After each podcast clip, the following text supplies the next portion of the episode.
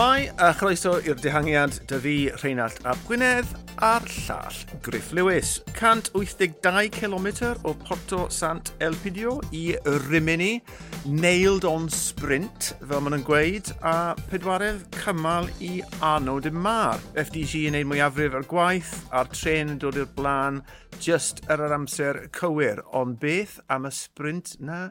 Wel, chymod, nath FDJ cymered e lan, oedd y niferon dal gyda nhw ar ôl neu gyd o'r gwaith. Dim ond un oedd gyda Sagan Bodnar, nath e roed e yn y sefyllfa cywir. A ni wedi bod yn sôn am gyfuria, ond yn dweud wrthon ni unwaith eto bod y coesau ddim nôl gyda gyfuria. Oedd e yn wyb weddol oedd e'n un teg, a oedd cwpl o'n nhw'n neidio olwyn i olwyn, wel o'n i Sagan yn gorfod newid o olwyn gyfuriau i, i olwyn dymar, ond dymar, ie. Yeah, mae ddim mynd i, ma ddim mynd i colli, ond sa'n siŵr os mae yn y daith ma fydd e'n colli o'r gwyb. Mae cyflwr e ar top i gêm e.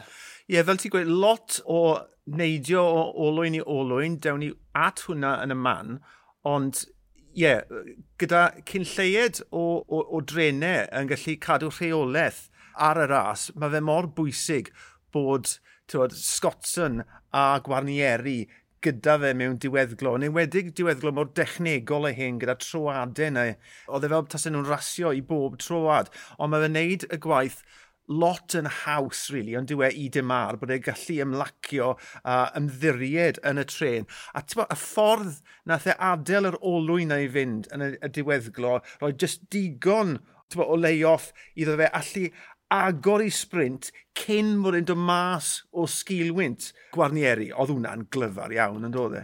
Ie, yeah, mae hwnna'n dangos eiddfedrwydd ardderchog. Mae fe'n dangos falle techneg o'r trac maen nhw'n defnyddio.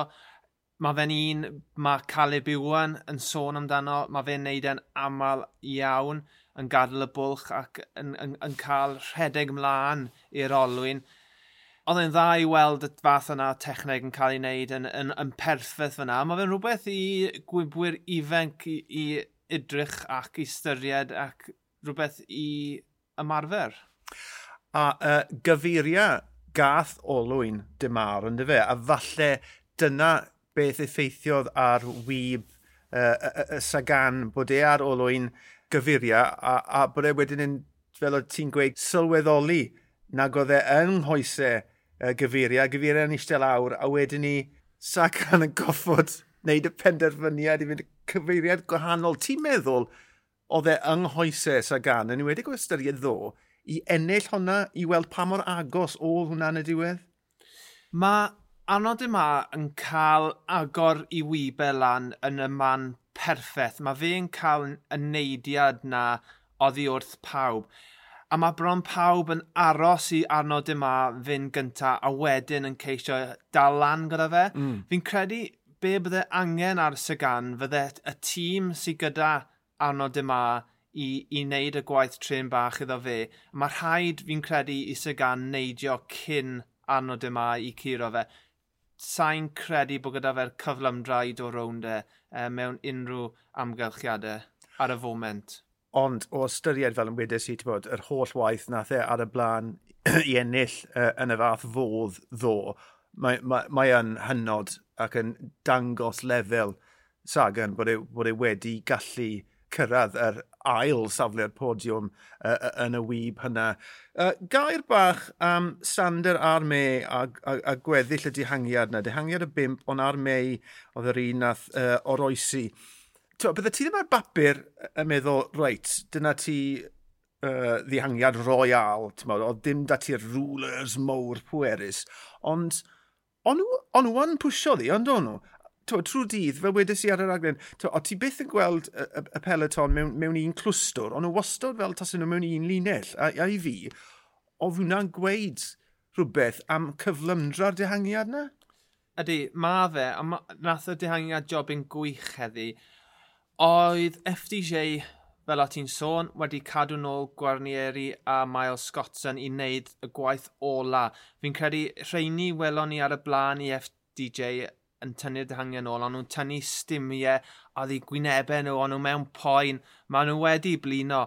Maen nhw wedi cael dau ddiwrnod yn olynol heb sôn wrth gwrs am y diwrnod gorffwys yn yr oer fel yma. Mae fe'n cymeriad lot mas o'r coesau fi'n credu fydde'r holl peleton heddi yn, yn falch hyd yn oed oedd nhw wedi bod mewn un treffin nawr, ond wedi cael diwrnod cymharol i cymaru a ddoi.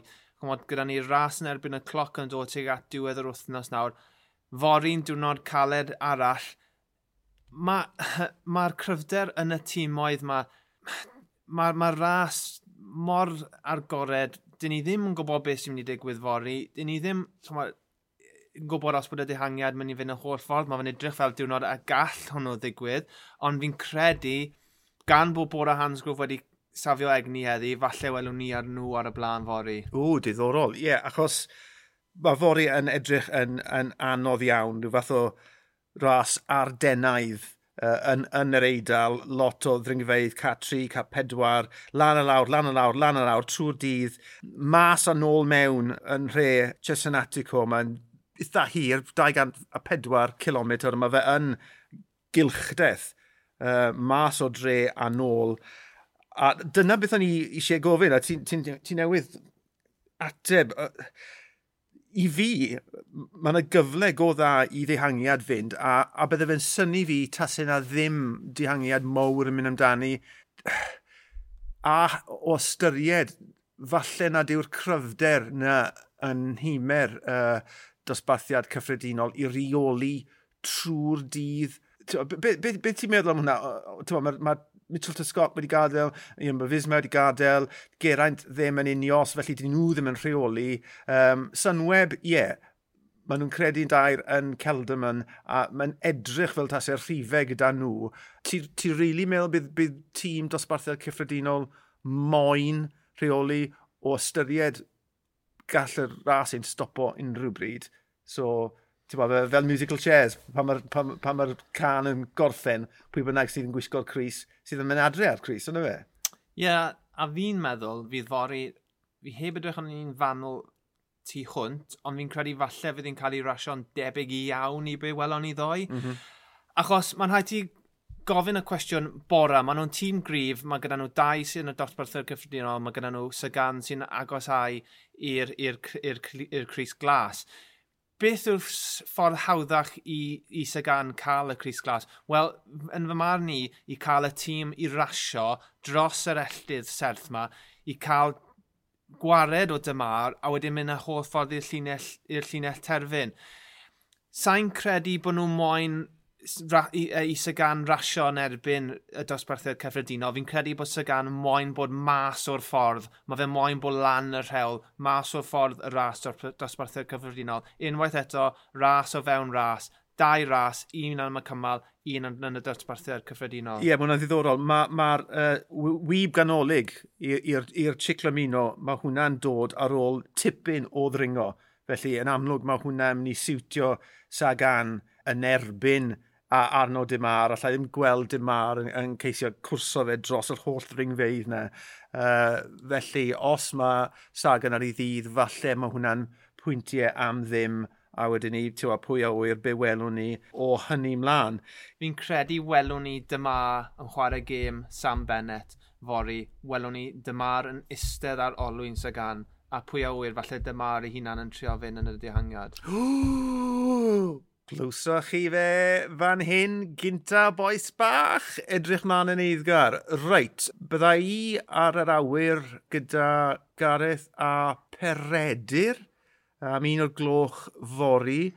Wedyn ni bydda i a Dewi yn trafod y cymal rhyw dro ar ôl iddo fe orffen.